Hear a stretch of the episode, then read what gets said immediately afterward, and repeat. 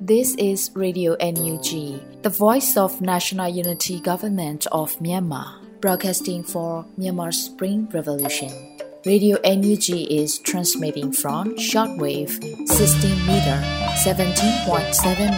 MHz at 8:30 a.m. and 25 meter 11.94 MHz at 8:30 p.m. Myanmar Standard Time.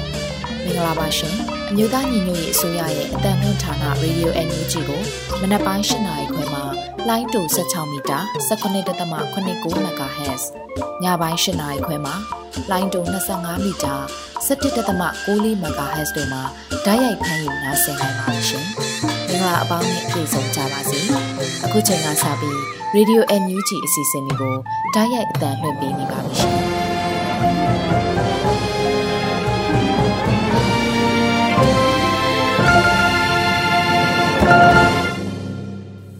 မြန်မာနိုင်ငံသူနိုင်ငံသားအပေါင်းတဘာဝပြီးစစ်အာဏာရှင်ဘေးတို့ကနေကင်းဝေးပြီးကိုစိတ်နှပါကြမ်းမှလုံခြုံကြပါစေလို့ Radio NUT အဖွဲ့သားများကဆုတောင်းမေတ္တာပို့သလိုက်ရပါတယ်ရှင်။အခုချိန်မှစပြီးကာကွယ်ဝိညာဉ်ဌာနမှထုတ်ဝေသောစစ်ရေးတရေအကျဉ်းချုပ်ကိုຫນွေဦးမိုးမှတင်ဆက်ပေးမှာဖြစ်ပါတယ်ရှင်။ပထမဆုံးအနေနဲ့စစ်ကောင်စီနှင့်တိုက်ပွဲဖြစ်ပွားမှုများကိုတင်ပြသွားမှာဖြစ်ပါတယ်။ကချင်ပြည်နယ်တွင် မတ်လ၁ရက်နေ့မနက်9နာရီခန့်ကပူတာအိုမြို့နယ်ရှိန်ကိတ်ပွန်အနီးတွင်စစ်ကောင်စီတပ်နှင့်ပြည်သူ့ကာကွယ်ရေးတပ်ပေါင်းစုတို့နိုင်ဝက်ကြာတိုက်ပွဲဖြစ်ပွားခဲ့ကြောင်းသိရသည်ချင်းပြည်နယ်တွင်ဖေဖော်ဝါရီ28ရက်နေ့မနက်6နာရီခန့်ကမတူပီမြို့နယ်ထဲပွဲတွင်စစ်ကောင်စီတပ်နှင့် CDF မတူပီတို့တိုက်ပွဲဖြစ်ပွားခဲ့ပြီးစစ်ကောင်စီတပ်သား3ဦးသေဆုံးကြောင်းသိရသည်ကရင်နီကယားပြည်နယ်တွင် မလတရက်နေ့နေ့လယ်2နာရီခန့်ကဒီမော့ဆိုမြို့နယ်ကျွန်းတော်ကျေးရွာတွင်အင်အား400ခန့်ရှိသောစစ်ကောင်စီတပ်များကို KNDF, KA, KDF, GZ21, DMSO PDF, Lycor PDF တို့ပူးပေါင်းပြီးထိတွေ့တိုက်ပွဲ3နာရီကြာဖြစ်ပွားကစစ်ကောင်စီတပ်သား24ဦးသေဆုံးပြီးတင့်ကားတစ်စီးပျက်စီးသွားခဲ့သည်မန္တလေးတိုင်းတွင် မလတရက်နေ့နေ့လယ်ပိုင်းကပြည်ကြီးတကုံမြို့နယ်စက်မှုမြို့တဲ့ရန်ကုန်မန္တလေးလမ်းဟောင်းနှင့်ရောမင်းကြီးလမ်းရှိကနောင်စစ်ကောင်စီဂိတ်ကို Guerrilla Force of Mandalay GRA နှင့် Eagle Brothers People's Defense MDY အဖွဲ့တို့ပူးပေါင်းပြီးဘုံဖြစ်တိုက်ခိုက်ခဲ့သည်ရန်ကုန်တိုင်းတွင် မလတရက်နေ့မနက်၈နာရီခန့်ကမှော်ဘီမြို့နယ်တဲဖြူစစ်မှုထမ်းဟောင်းကျေးရွာထိပ်ရှိ ကင်းစခန်းကို MO7 Eagles လက်အောက်ရှိ YGN Alban Guerrilla Army YUGA အဖွဲ့မှမိုင်းဆွဲတိုက်ခတ်ခဲ့ရာစစ်ကောင်စီတပ်သားတအုပ်နှင့်ရဲတပ်သားတအုပ်တေဆုံးခဲ့သည်တနင်္သာရီတိုင်းတွင် မလတရက်နေ့မနက်၈နာရီခန့်ကပလောမြို့နယ်ထမင်းမဆားကျေးရွာစာတင်ကျောင်းအနီးတွင်စစ်ကောင်စီရင်တန်းအားပလောပြည်သူ့ကာကွယ်ရေးတပ်ဖွဲ့ပုလောပြည်သူ့ကာကွယ်ရေးတပ်ဖွဲ့ PRDF မှမိုင်းဆွဲတိုက်ခတ်ခဲ့ရာထိတွေ့တိုက်ပွဲအနှဲငယ်ဖြစ်ပွားခဲ့ပြီးစစ်ကောင်စီဘက်မှလက်နက်ကြီးများဖြင့်ပြန်လည်ပစ်ခတ်ခဲ့ကြောင်းသိရသည်ဆက်လက်ပြီးစစ်ကောင်စီကျွလွန်သောရာဇဝတ်မှုများကိုတင်ပြသွားမှာဖြစ်ပါတယ်ခင်ဗျာကချင်ပြည်နယ်တွင်မလတရက်နေ့နေ့လယ်2:30မိနစ်ခန့်ကပူတာအိုမြို့နယ်အင်စီယန်ကျေးရွာနှင့်စွန်ဘီယန်ကျေးရွာကြားတွင်စစ်ကောင်စီတပ်မှ ဂျက်လက်ရင်နှစ်စီးဖြင့်ဆယ်ကြိမ်ထက်မနည်းလာရောက်ဘုံကျဲတိုက်ခိုက်ခဲ့ကြောင်းသိရသည်။ကရင်နီကယားပြည်နယ်တွင်မတ်လတရက်နေ့ကဒီမော့ဆိုမြို့နယ်ငွေတောင်ကျေးရွာနှင့်ဆယ်မြောင်းကျေးရွာတို့အားစစ်ကောင်စီများဝင်ရောက်ပြီးနေအိမ်နှင့်ဈေးဆိုင်အများအပြား၏တကားများကိုဖျက်ဆီးဖောက်ထွင်းကပစ္စည်းများကိုယူဆောင်သွားကြောင်းသိရသည်။စကိုင်းတိုင်းတွင်မတ်လတရက်နေ့ကဝက်လက်မြို့နယ်ရှိမကာကျေးရွာရှိဥဟန်တင် ဒေါ်မြင့်ကြည်နေအိမ်အားစစ်ကောင်စီမှချိတ်ပိတ်ခဲ့သည်မလတရက်နေ့ကရင်းမပင်မြို့နယ်တပြေအေးကျွာအားစစ်ကောင်စီမှရွာလုံးကျွတ်မီးရှို့ခဲ့သည်မကွေးတိုင်းတွင် ဖေဖော်ဝါရီ28ရက်နေ့ည10:15မိနစ်ခန့်ကရေစကြိုမြို့နယ်ငားလန်ကျေးရွာကိုစစ်မရဲရွာမှပြူစောထီးများကမီးရှို့ဖျက်ဆီးခဲ့သည်ဖေဖော်ဝါရီ26နှစ်29ရက်နေ့တို့တွင် ရေစကြိုမြို့နယ်ရေလေကျွန်းရှိမြောက်ရွာ ကျွန်းညိုရွာနတ်ပေခြံရနဲ့နွယ်နီရွာတို့ရှိပြည်သူပိုင်နေအိမ်၁၈လုံးကိုစစ်ကောင်စီတပ်ဖွဲ့များကမီးရှို့ဖျက်ဆီးခဲ့သည်ဟုတ်ကဲ့ပါအခုတင်ပြခဲ့တာကတော့အမျိုးသားညီညွတ်ရေးအစိုးရကာကွယ်ရေးဝန်ကြီးဌာနမှထုတ်ဝေသော နေ့စဉ်စည်ရေးသတင်းအကျဉ်းချုပ်များပဲဖြစ်ပါတယ်ခင်ဗျာကျွန်တော်ຫນွေဦးမိုးပါ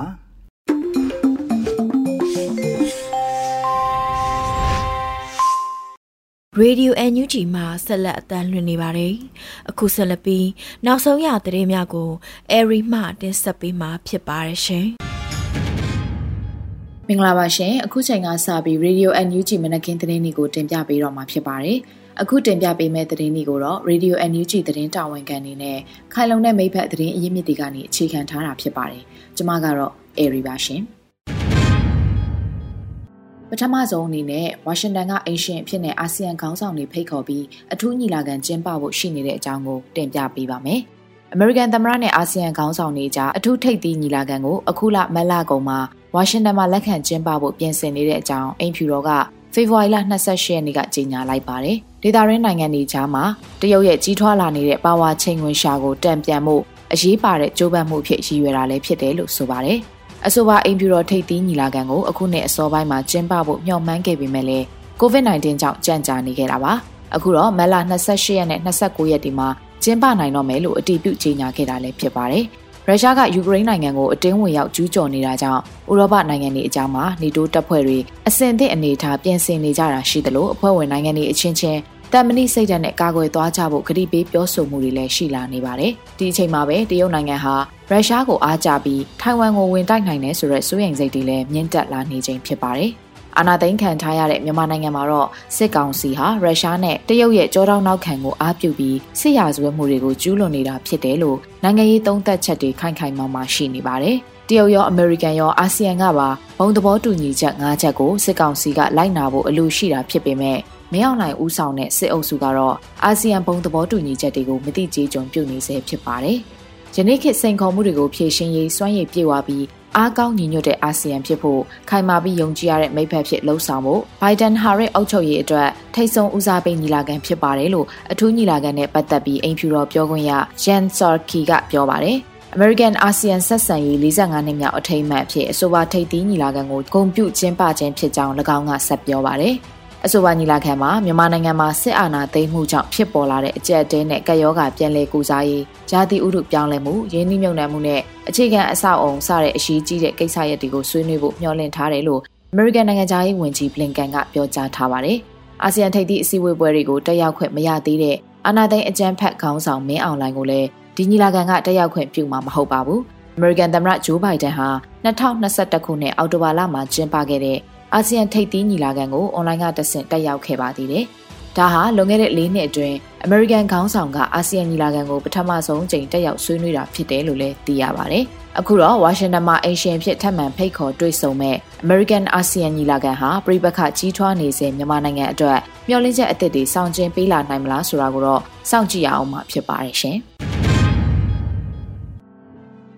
ဆက်လက်ပြီးထန်တလန်မြို့ကိုစစ်ကောင်စီက26ကြိမ်မြောက်အဖြစ်ထပ်မံမီးရှို့လိုက်ကြတဲ့ဝမ်းနေစရာသတင်းတစ်ပုဒ်ကိုအသိပေးခြင်းပါတယ်။ရရလက်နက်ကင်ဆွဲပြီးအင်အားမမျှမှန်သိပေမဲ့ခုခံတိုက်ခိုက်နေတာဟာစစ်အာဏာရှင်ကြာဆုံးရေးຫນွေဦးတော်လှန်ရေးမှာဖိနှိပ်ခံပြည်သူလက္ခဏာတရက်ဖြစ်ခဲ့ပြီးစစ်ကောင်စီဘက်ကတော့လေကြောင်းစစ်ရဟတ်ရင်တွေနဲ့အင်အားအဆမတန်သုံးဆွဲဘုံကျဲပစ်ခတ်တာတွေအပြင်ပြည်သူတွေရဲ့အသက်အိုးအိမ်စည်းစိမ်တွေကိုရရဆက်ဆက်မီးတင်ရှို့နေတာက2021ခုနှစ်စစ်အာဏာသိမ်းခြင်းရဲ့ ထင်ရှားစေတဲ့လက္ခဏာတရက်ဖြစ်လာနေပါတယ်။တူမီစတဲ့ရရလက်နက်တွေနဲ့စစ်တပ်ကိုခုခံတိုက်ခိုက်နေတာဟာပြည်သူတွေရဲ့အမုန်းတရားကိုအသက်နဲ့ရှင်းပြီးတက်တည်ပြနေတဲ့တပ်ဖွဲ့ဖြစ်ပြီးစစ်အုပ်စုကတော့ရဲရွာတွေကိုဝင်ခွင့်ရရခြင်းစစ်တိုက်တာထက်ပြည်သူနေအိမ်တွေကိုမီးရှို့တာသာဒီဇိုင်းမမတ်လှုပ်လာနေတာကိုတွေ့ရပါတယ်။ စကိုင်းတိုင်းမကွေးတိုင်းနဲ့ကရင်ပြည်နယ်စတဲ့တော်လှန်ရေးပြင်းထန်တဲ့အရက်တွေမှာနေ့စဉ်တိုင်းလိုလိုအရက်သားနေအိမ်တွေမီးရှို့ခံနေရတာဖြစ်ပါတယ်။အခုခါမှာလည်းချင်းပြည်နယ်ထန်တလန်မြို့ကိုစစ်ကောင်စီတပ်ကထပ်မံမီးရှို့လိုက်ရမှာအင်ဂျီတရတလုံးမီးလောင်ပျက်စီးခဲ့တယ်လို့ထန်တလန် Placement Affairs Committee IDB Hub ကမက်လာတရက်နေ့မှာသတင်းထုတ်ပြန်လိုက်တာပါ။ ဖေဖော်ဝါရီလ25ရက်နေ့နဲ့28ရက်နေ့တွေမှာမီးရှို့ခဲ့တာဖြစ်ပြီးတော့အခုတစ်ချိန်မီးရှို့တာဟာမှတ်တမ်းတွေအရတော့26ကြိမ်မြောက်ဖြစ်တယ်လို့ထုတ်ပြန်ချက်မှာဆိုထားပါတယ်။မိရှုခံရတဲ့ရက်ကွက်နဲ့အိမ်အရှိအတွက်ကတော့ CNN ရက်ကွက်က10အိမ် Zomon က24အိမ် Market က22အိမ်ပြိုင်အင်းက42အိမ်နဲ့ TABC က9အိမ်တို့ဖြစ်တယ်လို့သိရပါတယ်။စစ်ကောင်စီတပ်တွေက CDF တွေကိုမနိုင်လို့ပြည်သူတွေစိတ်နာအောင်ကြောက်သွားအောင်အခုလိုအိမ်တွေကိုမီးရှို့နေတာ ကျွန်တော်တို့ပြည်သူတွေအနေနဲ့ကတော့ရှေ့ဆက်မဲ့ခြေလမ်းတွေအတွက်1စင်တီမီတာတော့နောက်ဆုတ်မှာမဟုတ်ဘူးလို့ TPAC ITP Help မှတာဝန်ရှိသူတအူးကပြောပါတယ်။ထန်တလန်မြို့ရင်းမှာစစ်ကောင်စီတပ်ဖွဲ့တွေနဲ့ချင်းကာကွယ်ရေးတပ်ဖွဲ့တွေသာနေထိုင်လျက်ရှိပြီးကြိုကြားပစ်ခတ်မှုတွေအမြဲတမ်းဖြစ်ပွားလိရှိပါတယ်။စစ်ကောင်စီတပ်ဖွဲ့တွေဟာတနက်တန်ကြားရပြီးပစ်ခတ်ခံရပြီးဆိုတာနဲ့ကြီးလာရလမ်းကြောင်းလို့ထင်ရတဲ့ဘက်ကိုလက်နက်ကြီးငယ်တွေနဲ့သာမကမီးလောင်နိုင်တဲ့မီးလောင်ဘုံတွေနဲ့ပါပစ်ခတ်ကြတဲ့အတွက် အခုလိုမျိုးမီးအကြိမ်ကြိမ်လောင်ကျွမ်းတာဖြစ်နိုင်တယ်လို့သုံးသပ်မှုတွေအရသိရပါတယ်။ထန်တလန်မြို့မှာအင်ဂျီ1800ဝန်းကျင်ရှိပြီး1040ကျော်မီးလောင်ပျက်စီးခဲ့ပြီးဖြစ်ပါတယ်။အခုနောက်ဆုံးအချိန်မီးရှို့မခံရမီဖေဖော်ဝါရီလ23ရက်နေ့ကလည်းစစ်ကောင်စီတပ်သားတွေကထန်တလန်မြို့ပေါ်မှာရှိတဲ့အိမ်တွေကိုမီးရှို့ခဲ့ကြရာအင်ဂျီ22လုံးမီးလောင်ပြာကျသွားခဲ့ရတယ်လို့ TPAC ကသတင်းထုတ်ပြန်ခဲ့ပါသေးတယ်ရှင်။ အခုနောက်ဆုံးသတင်းတစ်ပုဒ်အနေနဲ့စစ်အုပ်စုတွေလက်နက်ကင်ပြည့်နှက်နေတဲ့ကြားမှာပဲရန်ကုန်မြို့မှာဒုစရိုက်မှုတွေထူပြောနေတဲ့အကြောင်းကိုတင်ပြပေးပါမယ်။ဆရာနာသိမ်းပြီးတစ်နှစ်ကျော်ကြာကာလမှာတော့ရန်ကုန်မြို့လေကောင်မြို့နယ်တချို့ရဲ့ပေါ်ပေါ်တင်တဲ့အရက်တွေမှာတော့လူရဲမှုတွေပုံမများပြားလို့လာနေပါတယ်။လူရဲမှုတွေအဖြစ်များလာတဲ့မြို့နယ်တွေမှာတမိုင်းမူရိတာအိမ်ယာလှိုင်မြို့နယ်အင်းစိန်မြို့နယ်နဲ့ကြီးမြင့်နိုင်မြို့နယ်တွေလည်းအပါအဝင်ဖြစ်ပါတယ်။အာနာသိန်းစစ်ကောင်စီတပ်တွေကေမုံချခန့်တပ်တွေ နေရာအနှံ့လိုလိုရှိနေကြပေမဲ့လည်းဒုစရိုက်မှုတွေကတော့ဖမ်းဆီးအရေးယူနိုင်ခြင်းမရှိသလောက်လည်းဖြစ်နေပါတယ်။မနေ့ကလေးတင်ဖျားလန်းမှတ်တိုင်နာမှာလူသွားသေးတယ်။လူကြားထဲမှာကောင်မလေးတယောက်ပတ်စံအိပ်ပါသွားတယ်လို့လှိုင်မြို့နယ်နှစ်ရက်ကွက်နေသူတဦးကပြောပါတယ်။ဒါ့အပြင်တမိုင်းမူတီတာအိမ်ယာဝင်းလမ်းမပေါ်အနီးမှာဖြတ်တန်းသွားလာနေတဲ့တက္ကစီယာဉ်တွေပေါ်ကလက်ကင်ဖုန်းတွေလူယူမှုတွေလည်းမကြာခဏဖြစ်ပွားနေတယ်လို့ ရန်ကုန်မြို့တွင်းမှာတက္ကစီပြေးဆွဲနေတဲ့ရှင်မောင်းတအုပ်ကပြောပြပါဗျ။အိုက်လန်ကအရန်လူကြက်တာညနေဆိုရင်တက်စီတကားကိုမှန်ပိတ်မောင်းရတဲ့ဆိုင်ကယ်နဲ့လူတာရှိတယ်လို့ဒီတိုင်းလူပြီးပြေးတာလည်းရှိတယ်လို့ရန်ကုန်မြို့တွင်းတက်စီပြေးဆွဲနေတဲ့ရှင်မောင်းကရှင်းပြပါဗျ။ ရန်ကုန်မြို့စုံမြို့ဖျားမှာလည်းလူရက်ရိုင်းနှက်မှုတွေမကြာခဏဖြစ်ပွားနေပြီးလူရက်ခံရသူတွေဟာအများအားဖြင့်ငွေကြေးထက်ဆိုင်ကယ်လက်ကင်ဖုန်းနဲ့ရွှေတဲ့ပစ္စည်းတွေကိုအဓိကပြစ်မှတ်ထားလူရက်သူတွေဖြစ်ကြကြောင်းနဲ့တပ်ဆိုင်ရာရဲစခန်းအသီးသီးကိုတိုင်ကြားပေမဲ့လည်းလာရောက်ကြည့်ရှုတာမျိုးမရှိသေးဘူးလို့ဒေသခံတွေကပြောပြပါဗျ။အစိုးရဆိုပြီးအာဏာသိမ်းကလေးကလူထုကိုမဆောင်ရှောက်တာပြည်သူတွေအတွက်လုံခြုံမှုမရှိတော့ဘူးဒီကြားတဲ့စီးပွားရေးကြက်တဲတော့ခိုးဆိုးလူနိုင်တွေပေါ်လာတာပေါ့လို့တရားလွတ်တော်ရှေ့နေတအုပ်ကပြောပါတယ် စစ်ကောင်စီဟာမြန်မာစီးပွားရေးကိုတိုးတက်အောင်မလုပ်နိုင်ပဲနိုင်ငံခြားရင်းနှီးမြှုပ်နှံမှုတွေကိုတုံဆိုင်ရပ်တန့်အောင်လုပ်နိုင်စွမ်းသာရှိကြောင်းဒါအပြင်ရဲသတင်းပေးဒလန်ဆိုသူအများစုကလည်းထောင်တွက်ခိုးဆိုးလူနိုင်သူတွေဖြစ်ကြပြီးသူတို့ရဲ့တပည့်တွေကလူနတ်မှုအများစုကိုကျူးလွန်နေကြတယ်လို့ရဲတပ်ဖွဲ့သတင်းအရင်းမြစ်တွေရသိရပါတယ်။ပြီးခဲ့တဲ့ရက်သက်တစ်ပတ်အတွင်းကကြီးမြင့်နိုင်ငါးစီးအနီးကလှိုင်မြစ်အတွင်းမှာတရုတ်လူမျိုးပိုင်ငါးဖမ်းဆက်လေတစီအနူချမ်းစီးခံရပြီး ငွေကျပ်သိန်းတစ်ထောင်ကျော်နဲ့ရေလုံသားတအုပ်အသက်ခံရမှုဖြစ်ပွားခဲ့ကြောင်းနဲ့ကြီးမြင့်နိုင်ကမ်းနားတလျှောက်ရဲတပ်ဖွဲ့ဝင်တွေခြေရှုပ်ကစုံစမ်းမှုတွေပြုလုပ်ခဲ့ကြပါတယ်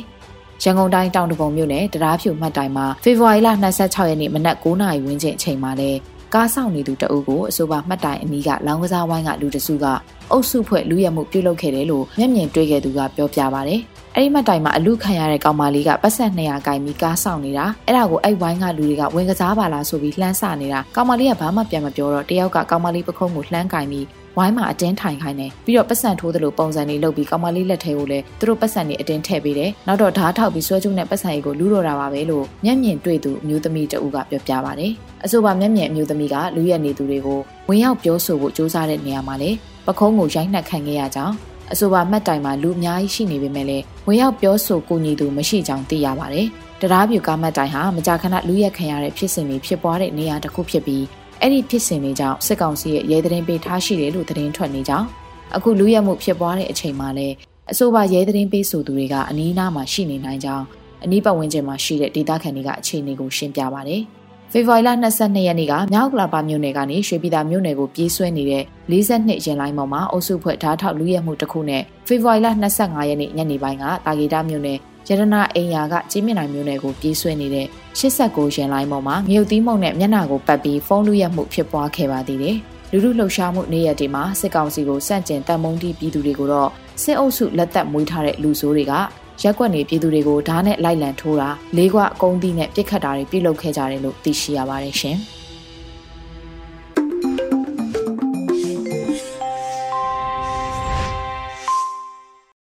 Radio NUG မှာဆက်လက်အသံလွှင့်နေပါတယ်။အခုဆက်လက်ပြီးပြည်သူခုခံတော်လှန်စစ်တရေများကိုຫນွေဦးလိပ်ပြမှတင်ဆက်ပေးမှာဖြစ်ပါတယ်ရှင်။ပထမဆုံးအနေနဲ့မော်ဘီသဲဖြူစစ်မှုထမ်းဟောင်းကြီးရွာကင်းစခန်းမိုင်းဖောက်ခွဲခံရပြီးစစ်ကောင်စီတပ်ဖွဲ့ဝင်2ဦးသေဆုံးဖွဲ့ရှိတဲ့သတင်းတင်ဆက်ပါမယ်။ ရန်ကုန်တိုင်းမော်ဘီမြို့နယ်တဲဖြူစစ်မှုထမ်းဟောင်းကြီးရွာထိပ်ရှိကင်းစခန်းကိုယနေ့နနက်၈နာရီအချိန်တွင် MO7 Eagles လက်အောက်ကယူကအဖွဲ့ကမိုင်းခွဲတိုက်ခိုက်ခဲ့ရာနှစ်ဦးသေဆုံးတယ်လို့ယူဆရကြောင်းအဆိုပါအဖွဲ့ထံမှသိရှိရပါသည်။ မော်ဘီမြို့နယ်သဲဖြူစစ်မှုထမ်းဟောင်းကျေးရွာသည်စစ်မှုထမ်းဟောင်းများနေထိုင်ရန်ခြားထားပေးသည့်ကျေးရွာဖြစ်ပြီးကျေးရွာရှိအများစုသောစစ်တပ်ထောက်ခံသူများ၏လုံခြုံရေးအတွက်ပြူစောထီးစစ်မှုထမ်းဟောင်းနှင့်စစ်ကောင်စီတပ်ဖွဲ့ဝင်များကလက်နက်ကိုင်းစောင့်ကြက်လုံခြုံရေးပေးထားသောကျေးရွာတစ်ခုဖြစ်ပါသည်ဆက်လက်ပြီးခရမ်းပိန်ကန်ရဲစခန်းနှင့်စစ်ကားမိုင်းဆွဲတိုက်ခိုက်ခံရပြီးစစ်သားစစ်သည်ဦးသေဆုံးတဲ့အပြင်တောင်အုပ်ကလာရင်စစ်ကောင်စီကိုငွေကြေးထောက်ပံ့နေသည့်ဘားတစ်ခုတိုက်ခိုက်ခံရတဲ့သတင်းတင်ဆက်ပါမယ်။ ရန်ကုန်ခရမ်းမြို့နယ်ရှိပိန်ကန်ရဲစခန်းနှင့်စစ်ကားများမိုင်းဆွဲတိုက်ခိုက်ခံရပြီးစစ်ကောင်စီတပ်ဖွဲ့ဝင်17ဦးသေဆုံးပြီးဗျူဟာမှု2ဦးလည်းအပါအဝင်12ဦးပြင်းထန်ဒဏ်ရာရရှိခဲ့ကြောင်း KNPDF ထံမှသိရှိရပါသည် ခရမ်းမြို့နယ်ပိန်ကန်ရဲစခန်းနှင့်တမန်ကြီးကြီးရွာရှိအချမ်းဖက်စစ်ကောင်စီတပ်ဖွဲ့များကိုယနေ့ဖေဖော်ဝါရီလ28ရက်နေ့တွင်ခရမ်းမြို့နယ်ပြည်သူ့ကာကွယ်ရေးတပ်ဖွဲ့ PDF ခရမ်းကမိုင်းဆွဲတိုက်ခိုက်ခဲ့ပြီးပိန်ကန်ရဲစခန်းရှိရဲတပ်သား6ဦးသေဆုံးခဲ့ကြောင်း3ဦးထိခိုက်ဒဏ်ရာရရှိခဲ့ပြီးတဦးမှဒဏ်ရာပြင်းထန်ကြောင်းသိရှိရတာပါ။ ထို့အပြင်တမန်ကြီးကျေးရွာ၌အကြမ်းဖက်စစ်ကောင်စီစစ်ကားများမိုင်းဆွဲတိုက်ခိုက်ခံရခြင်းကြောင့်စစ်သား6ဦးသေဆုံးခဲ့ပြီး9ဦးထိထိခိုက်ဒဏ်ရာရရှိခဲ့ကဗျူဟာမှု2ဦးအပါအဝင်9ဦးမှဒဏ်ရာပြင်းထန်ကြောင်းပြည်သူ့ကာကွယ်ရေးတပ်ဖွဲ့ PDF ခရန်ကဆိုပါတယ် အလားတူတောင်ကလာပမြို့နယ်ဝေဇီယာနာလမ်းမပေါ်ရှိစစ်ကောင်စီအားငွေကြေးကူညီထောက်ပံ့နေသည့် Transporter Bar ကို United Freedom Force UFF အဖွဲ့ကူညီအားဖြည့်ပုံဖြင့်တရားမျှတမှုယူဆောင်သူတပ်ဖွဲ့ Justice Bringer Force ကယနေ့ဖေဖော်ဝါရီလ28ရက်နေ့တွင်ဝင်ရောက်တိုက်ခိုက်ခဲ့ကြောင်းသိရှိရပါသည်ထို့သောတိုက်ခိုက်ရာတွင်ပြည်သူများထိခိုက်မှုများမဖြစ်ပွားစေရန် မော်ဒယ်ယာဉ်သစည်းသာထိမှန်ပျက်စီးခဲ့ပြီးစစ်ကောင်စီငွေကြေးထောက်ပံ့နေသော night club bar နှင့် KTV များပိတ်သိမ်းရန်ကြိုတင်သတိပေးခဲ့ပြီးဖြစ်ခါပြည်သူများအနေဖြင့်လည်းအဆိုပါ night club bar နှင့် KTV များကိုတောလာခြင်းမပြုရန်မြစ်တာရက်ခံကြောင်း Justice Bringer Force တပ်ဖွဲ့ကထုတ်ပြန်ထားပါတယ်။ သတင်းချက်လက်များအရ28ရက်2လ2022ရက်နေ့တွင်စစ်ကောင်စီတပ်ဖွဲ့ဝင်59ဦးသေဆုံးပြီးထိခိုက်ဒဏ်ရာရရှိသူ12ဦးထိခုခံတိုက်ခိုက်နိုင်ခဲ့ပါတယ်။မြေပြင်မှာယခုတွေ့ရတဲ့သတင်းချက်လက်များထက်ပို၍ဖြစ်ပွားနိုင်ပါတယ်ရှင်။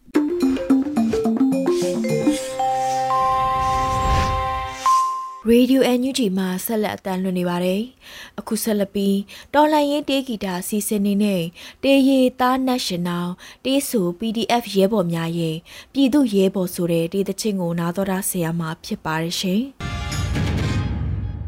ရှင်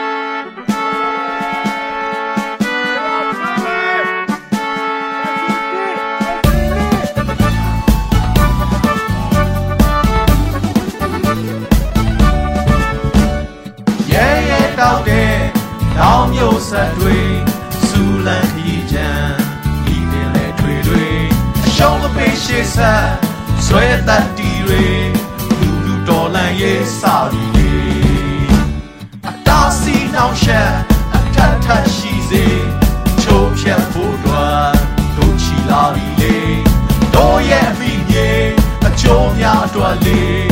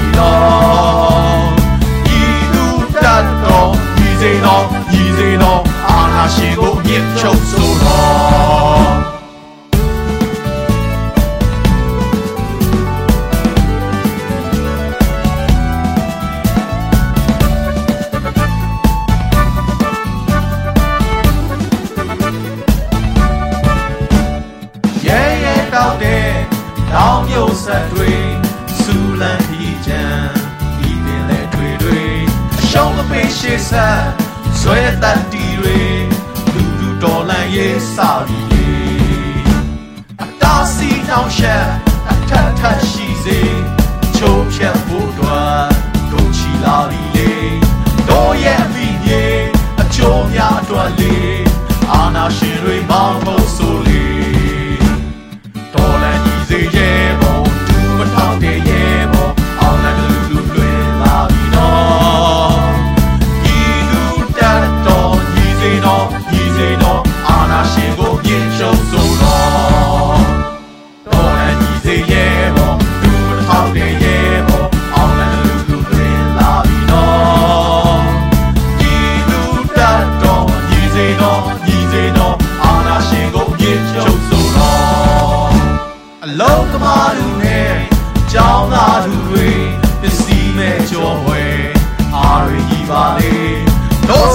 တ်ဓာတ်နဲ့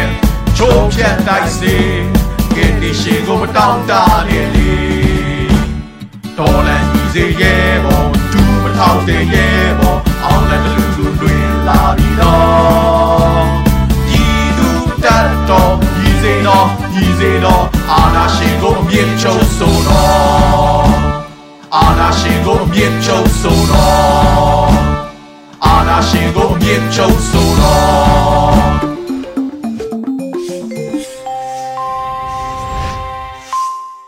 ရေဒီယို NUG မှာဆက်လက်အတန်းလွှင့်နေပါတယ်။အခုဆက်လက်ပြီးနေ့စဉ်သတင်းများကိုထက်ထက်အင်ဒရာအောင်မှတင်ဆက်ပေးမှာဖြစ်ပါတယ်ရှင်။ပထမဆုံးတင်ဆက်ပေးမှာကတော့ရုရှားရဲ့ယူကရိန်းပေါ်တိုက်ခိုက်မှုကိုပြင်းပြင်းထန်ထန်ရှုတ်ချတယ်လို့ယာယီသမရဒူဝါလက်ရှိလာက Twitter မှာရေးသားလိုက်တဲ့ဆိုတဲ့သတင်းမှာရုရှားနိုင်ငံကယူကရိန်းနိုင်ငံကိုကျူးကျော်စစ်ဆင်နွှဲနေတဲ့အပေါ်ပြင်းပြင်းထန်ထန်ရှုံချတယ်လို့ယာယီသမရဒူဝါလက်ရှိလာက Twitter မှာရေးသားလိုက်ပါတယ်။ ကုလသမဂ္ဂဗြိညန်နဲ့နိုင်ငံတကာဥပဒေတွေကိုပြက်ပြားစေတဲ့ယူကရိန်းနိုင်ငံပေါ်တိုက်ခိုက်မှုတွေကိုအမျိုးသားညီညွတ်ရေးအစိုးရအနေနဲ့ပြင်းပြင်းထန်ထန်ရှုံချပါတယ်။တရားမျှတမှုမရှိတဲ့ကျူးကျော်ဝင်ရောက်မှုတံကိုခံနေရတဲ့ယူကရိန်းပြည်သူတွေအတွက်လည်းစုမုံကောင်းတောင်းပေးနေပါတယ်လို့ယာယီသမရဒူဝါလက်ရှိလာကရေးသားခဲ့တာပါရုရှားနိုင်ငံကဖေဖော်ဝါရီလ24ရက်ကစတင်ပြီးယူကရိန်းနိုင်ငံကိုကုလသမဂ္ဂဗြိညန်နီချိုးဖောက်ပြီးတော့ကျူးကျော်စစ်ဆင်နွှဲနေတာလည်းဖြစ်ပါတယ်။ အမျိုးသားညီညွတ်ရေးအစိုးရအနေနဲ့ကလည်းရုရှားရဲ့ကျူးကျော်စစ်စတင်ပြီးနောက်တရက်မှာပဲကျူးကျော်စစ်နဲ့ပတ်သက်လို့လက်သင့်မခံဘူးဆိုတဲ့အကြောင်းကြေညာချက်ထုတ်ပြန်ထားပါတယ်။ကချင်စစ်ဘေးရှောင်ပြည်သူတွေအပါအဝင်ပြည်တွင်းကအကြမ်းဖက်ဆရာနာရှင်စန့်ချီရေးဆန္ဒပြပွဲတွေမှာလည်းယူကရိန်းပြည်သူတွေနဲ့အတူရက်တည်ရဲဆိုတဲ့အကြောင်းဆန္ဒဖော်ထုတ်ခဲ့ကြပါသေးတယ်။ယူကရိန်းနိုင်ငံကပြည်သူတွေကလည်းရုရှားရဲ့ကျူးကျော်စစ်ပေါ်ကန့်ကွက်ဆန္ဒပြမှုတွေပြုလုပ်ခဲ့ကြသလိုမြန်မာနိုင်ငံနဲ့အတူရက်တည်ရဲဆိုတဲ့အကြောင်းကိုလည်းဆန္ဒဖော်ထုတ်ခဲ့ကြတာကိုတွေ့ရပါတယ်။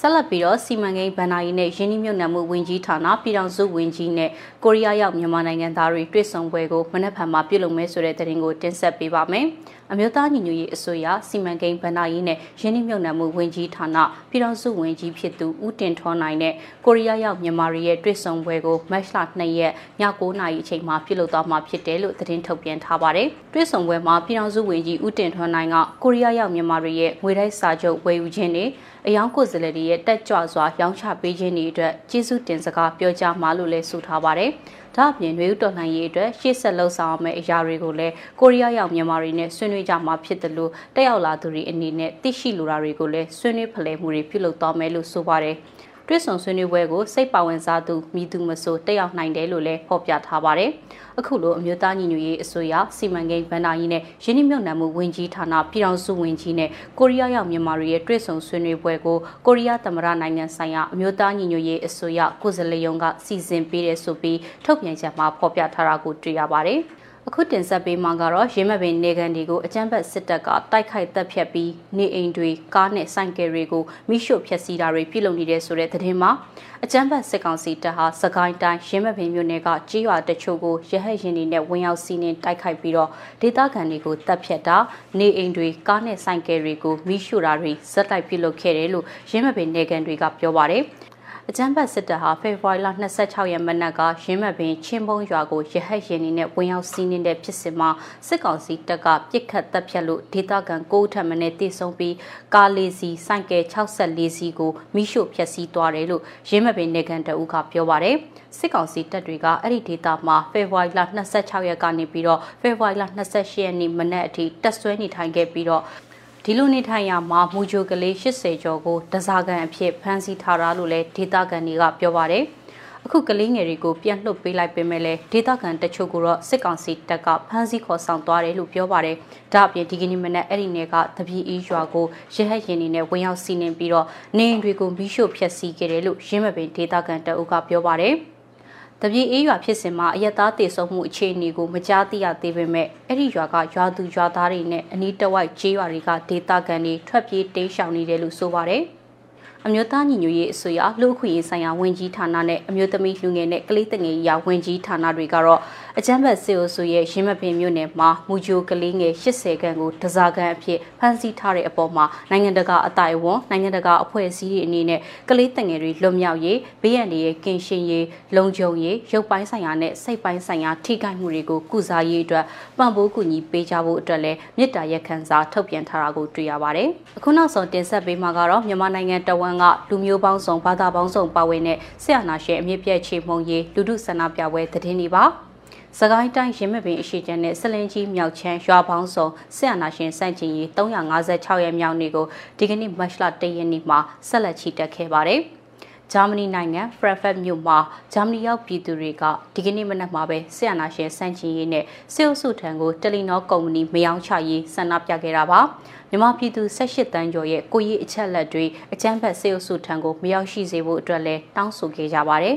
ဆန္ဒပြတောင်းဆိုသူတွေကဖရန်ဖတ်မြို့ရဲ့နော်ဝေနိုင်ငံဆိုင်ရာကောင်စစ်ဝင်ရုံးရှိမှာဆန္ဒပြတောင်းဆိုခဲ့ကြတာလည်းဖြစ်ပါတယ်။ကချင်ပြည်နယ်ဖားကန့်ကပြည်သူတွေကလည်းဆီယနာရှင်စန့်ချင်ရေးနဲ့ KIA PDF NUG ထောက်ခံပွဲကိုဒီကနေ့မနက်မှာပြုလုပ်ခဲ့ပါတယ်။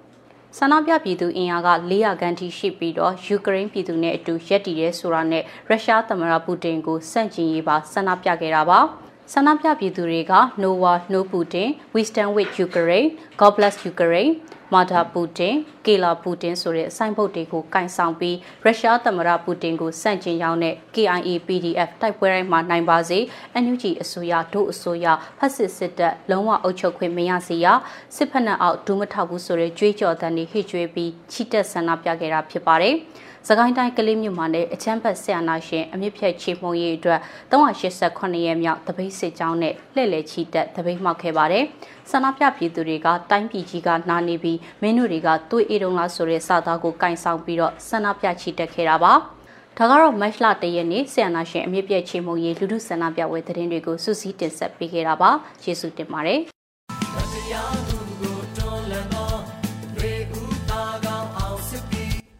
တော်ရရှိမြခင်ဗျာຫນွေဦးတော်လန်ရေးအထူးငွေတိုက်စာချုပ်ဝယ်ယူသူများအနေနဲ့ပုံစံခါခွေးမတင်ရသေးသူများတင်ပေးကြပါရနဲ့တင်ပြီးဖြစ်တော့လဲအမားပါသူများအနေနဲ့ပြန်တင်ပေးကြပါရန်နှိုးဆော်အပ်ပါတယ်။သက်ဆိုင်သူများဘက်မှငွေတိုက်စာချုပ်အမြန်ဆုံးထုတ်ပေးနိုင်ရန်ပုံစံခါခွေးကိုအမြန်ဆုံးတင်ပေးဖို့လိုအပ်မှာဖြစ်ပြီးငွေတိုက်စာချုပ်လက်မခံရသေးသူများမိမိတို့ရဲ့အီးမေးလ်ကိုစစ်ဆေးပေးကြဖို့ကိုလည်းထပ်ဆင့်တိုက်တွန်းနှိုးဆော်အပ်ပါလေခင်ဗျာ။ ဒီကနေ့ကတော့ဒီညနဲ့ပဲ Radio NUG ရဲ့အစီအစဉ်လေးကိုခਿੱတရနာလိုက်ပါမယ်ရှင်။မြမစံတော်ချိန်မနက်၈နာရီခွဲနဲ့ည၈နာရီခွဲအချိန်တွေမှာပြန်လည်ဆုံတွေ့ကြပါစို့။ Radio NUG ကိုမနက်ပိုင်း၈နာရီခွဲမှာလိုင်းတူ16မီတာ19.8 MHz ညပိုင်း၈နာရီခွဲမှာလိုင်းတူ25မီတာ17.6 MHz တို့မှာဓာတ်ရိုက်ဖမ်းလို့နိုင်စေနိုင်ပါပြီ။မြန်မာနိုင်ငံသူနိုင်ငံ သားတွေကိုစိတ်နှပြကျန်းမာချမ်းသာလို့ဘေးကင်းလုံခြုံကြပါစေလို့ Radio NUG အဖွဲ့သူဖွဲ့သားတွေကဆုတောင်းမြတ်တာပို့တာလိုက်ရပါတယ်ရှင်။အမျိုးသားညီညွတ်ရေးအစိုးရရဲ့စက်သွေးရေးသတင်းအချက်အလက်နဲ့လူပညာဝန်ကြီးဌာနကထုတ်လွှင့်နေတဲ့ Radio NUG ဖြစ်ပါတယ်။ San Francisco Bay Area အခြေစိုက်မြန်မာမိသားစုတွေနဲ့နိုင်ငံတကာကစေတနာရှင်လို့အားပေးနေတဲ့ Radio NUG ဖြစ်ပါတယ်။အရေးတော်ပုံအောင်ရမည်